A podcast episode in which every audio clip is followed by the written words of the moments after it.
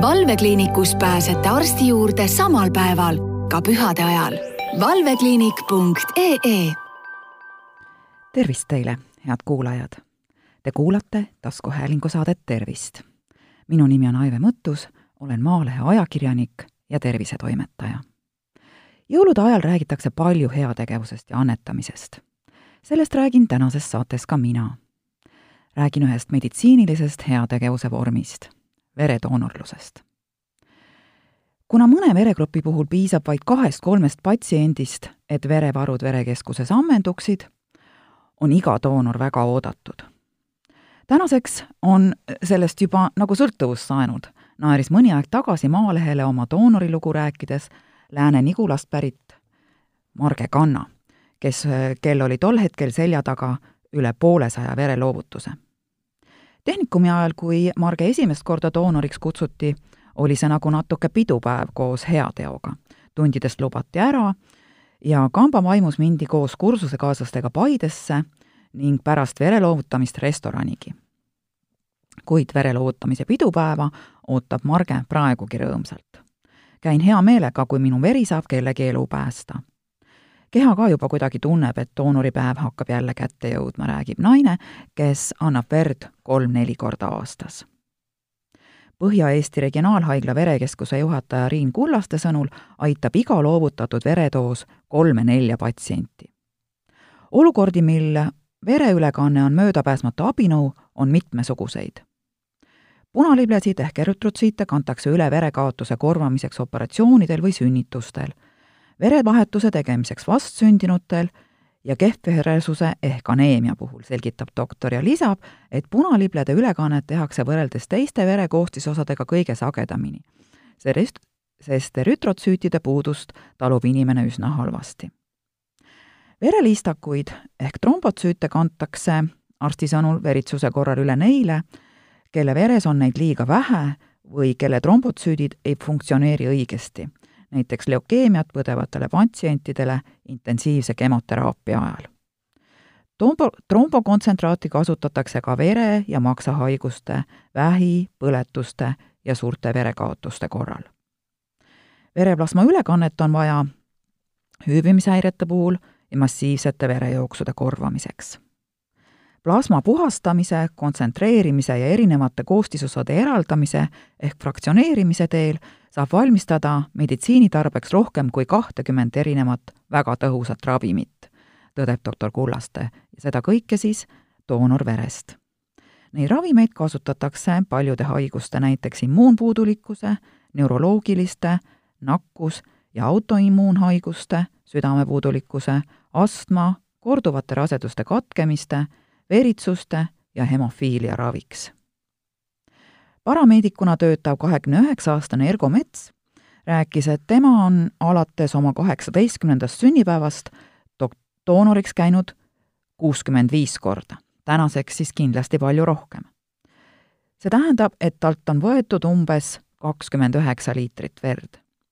tema on ahvereesi doonor, mis tähendab, et tunniajase protseduuri käigus võetakse tema verest ainult kindlaid komponente, ülejäänud aga lastakse vereringesse tagasi et mees just oma sünnipäeval doonoriteed alustas, on kuidagi kõnekas, sest doonorluse mõiste on tuletatud ladinakeelsest sõnast donare, mis tähendab tõlkes annetamine, kingitus, heategevus.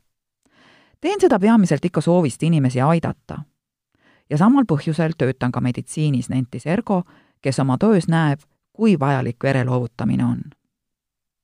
Maalehega kõnelemise ajal oli ta parajasti praktikal intensiivravi osakonnas ja nägi, et verevajadus on seal igapäevane. kuid veelgi enam, mees on doonorluse olulisust tunda saanud ka oma nahal. kahe tuhande üheteistkümnendal aastal väeteenistuses olles plahvatas tema käes vigane lõhkepakett, mille tagajärjel kaotas ta kolm vasaku käe sõrme, sai vigastusi näopiirkonda ja rindkerele ning vajas operatsioonil vereülekannet. Ent haigevoodiski lamades mõtles mees teiste peale kui küsisin haiglal, kui küsisin haiglas, millal ma saan jälle verd anda, öeldi, et ravime ikka sind ennast kõigepealt terveks. valvekliinikus pääsete arsti juurde samal päeval, ka pühade ajal. valvekliinik.ee kuna nõuded doonoritele on ranged, on igati õigustatud küsimus, kes doonoriks kandideerida saavad.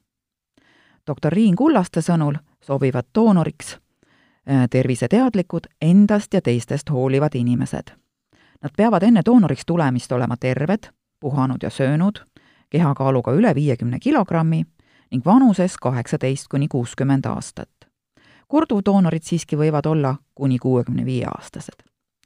lisaks tuleb neil olla Eesti Vabariigi kodanik või peavad nad olema Eestis elamisloa alusel elanud vähemalt kolm viimast kuud. ja tulla tuleb kas verekeskusesse, doonoripäevale või doonoritelki verekeskuse külastaja satub esmalt registratuuri, kus ta registreeritakse ja kontrollitakse isikut tõendava dokumendi alusel tema isikut, kirjeldab doktor Kullaste siis protsessi algust. seejärel suunatakse doonor arvuti juurde, kus ta täidab igal külastusel ankeedi tervisliku seisundi ja eluviiside kohta. Väga oluline on vastata küsimustele ausalt ja kõikidele küsimustele, rõhutab arst. kui vastamisel tekib probleeme või kahtlusi, saab selle järgneval meditsiinilisel läbivaatusel verekeskuse töötajalt nõu küsida ja siis vastused vormistada. doonori poolt täidetud küsimustik on Kullaste sõnutsi oluline dokument doonoriks sobivuse hindamisel, sest vereloovutus peab olema ohutu nii doonorile kui vereülekande saajale. Lõpliku otsuse, kas inimene sobib doonoriks või mitte, teeb verekeskuse meditsiinitöötaja vestluse ja meditsiinilise läbivaatuse käigus ja kogu see protseduur tuleb läbida igal vereloovutuskorral. ning tõsi on, et umbes kolmteist protsenti inimestest saadetakse erinevatel tervislikel põhjustel verekeskusest koju tagasi. Pärast meditsiinilist läbivaatust annab doonor allkirja, millega kinnitab, et tema andmed on õiged ja ta on saanud piisavalt informatsiooni doonori vere nakkusohutusest ning annab nõusoleku verd loovutada asi, mida sageli ei teata, on aga see, et igas vere loovutamise etapis on doonoril õigus vere andmisest loobuda ja mitte lubada juba antud ja annetatud vere kasutamist. vahetult enne vereloovutust soovitatakse juua paar klaasi mahla või vett. See aitab tagada hea enesetunde pärast annetamist. vereloovutuse protseduur on valutu, toimub poollavamas asendis ja võtab aega viis kuni kümme minutit. see on ju nii vähe tegelikult, eks vere andmise käigus võetakse doonorilt nelisada viiskümmend milliliitrit verd. see on olenevalt kehakaalust kõigest seitse kuni kolmteist protsenti täiskasvanud inimese veremahust. ja seda on ka ju tõesti vähe. Plasma kogus taastub keskmiselt kahekümne nelja tunniga. vererakkude arv keskmiselt kolme nädala jooksul. iga vereloovutuse ajal võetakse doonorilt ka umbes kakskümmend viis milliliitrit verd analüüside tegemiseks ja alati kasutatakse ainult ühekordseid ja steriilseid vahendeid. pärast vereloovutust tuleb punktsiooni kohale seotud elastikside jätta peale vähemalt neljaks tunniks. Pärast protseduuri on arsti sõnul soovitav paar minutit lamada ning mitte liiga kiiresti püsti karata. taastumiseks kulub umbes kümme-viisteist minutit ja siis soovitatakse end kosutada mahla, tee, kohvi ja küpsistega. kui tunnete end veidi nõrgana, puhake kauem samal ja järgneval päeval võiks tarbida tavalisest enam vedelikku ning vältida suurt füüsilist koormust, ujumist ja saunas käiku. Valvekliinikus pääsete arsti juurde samal päeval, ka pühade ajal. valvekliinik.ee keda tema loovutatud doosid aitavad, inimene tavaliselt teada ei saa. ent on ka erandeid. Põhja-Eesti Regionaalhaigla verekeskuse kommunikatsioonispetsialist Urve Pals-Valdna nimetas Maalehele ühe enam kui kümme aastat tagasi juhtunud liigutava loo. Nimelt tekkis ühel naisel pärast väikest operatsiooni Hiiumaa haiglas tüsistusena sisemine vereooks. tema tervislik seisund muutus lühikese ajaga väga kriitiliseks ning ta toodi helikopteriga Mustamäele Põhjaregionaal, Põhja-Eesti Regionaalhaiglasse. Õnneks lõppes kõik tänu arstide ja doonorite pingutusele väga hästi ning tohtrite imestuseks oli patsiendini esimene küsimus narkoosist ärgates, kas ta saab veel ka ise doonor olla. Hiljem sai naine teada, et tema esimeseks vereloovutajaks talle oli Hiiumaa haigla toonane õendusjuht Riina Tamm ja kahel naisel oli võimalik ka silmast silma kohtuda ning eluga pääsenu sai oma päästjale tänusõnad isiklikult edasi öelda.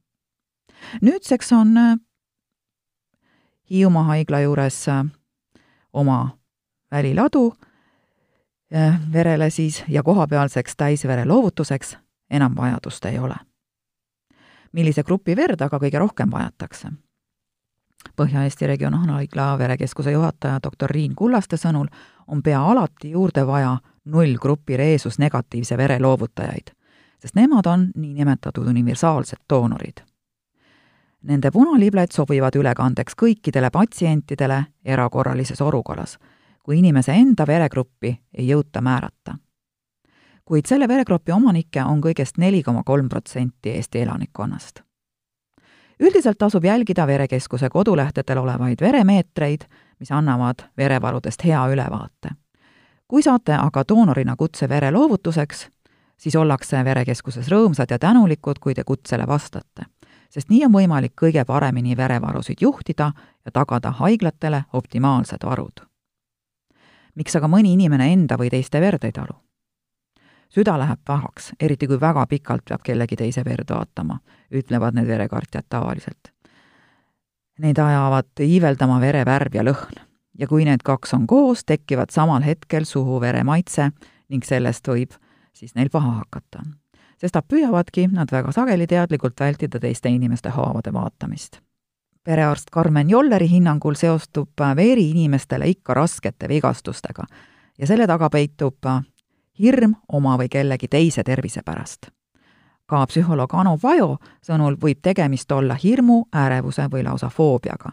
foobia on siis äh, tugev hirm mingi olukorra, elusolendi või objekti ees, mis tegelikult ei ole ohtlik. täpseid põhjusi, miks aga vere ees hirmu tuntakse, psühholoogi sõnul siiski ei teata.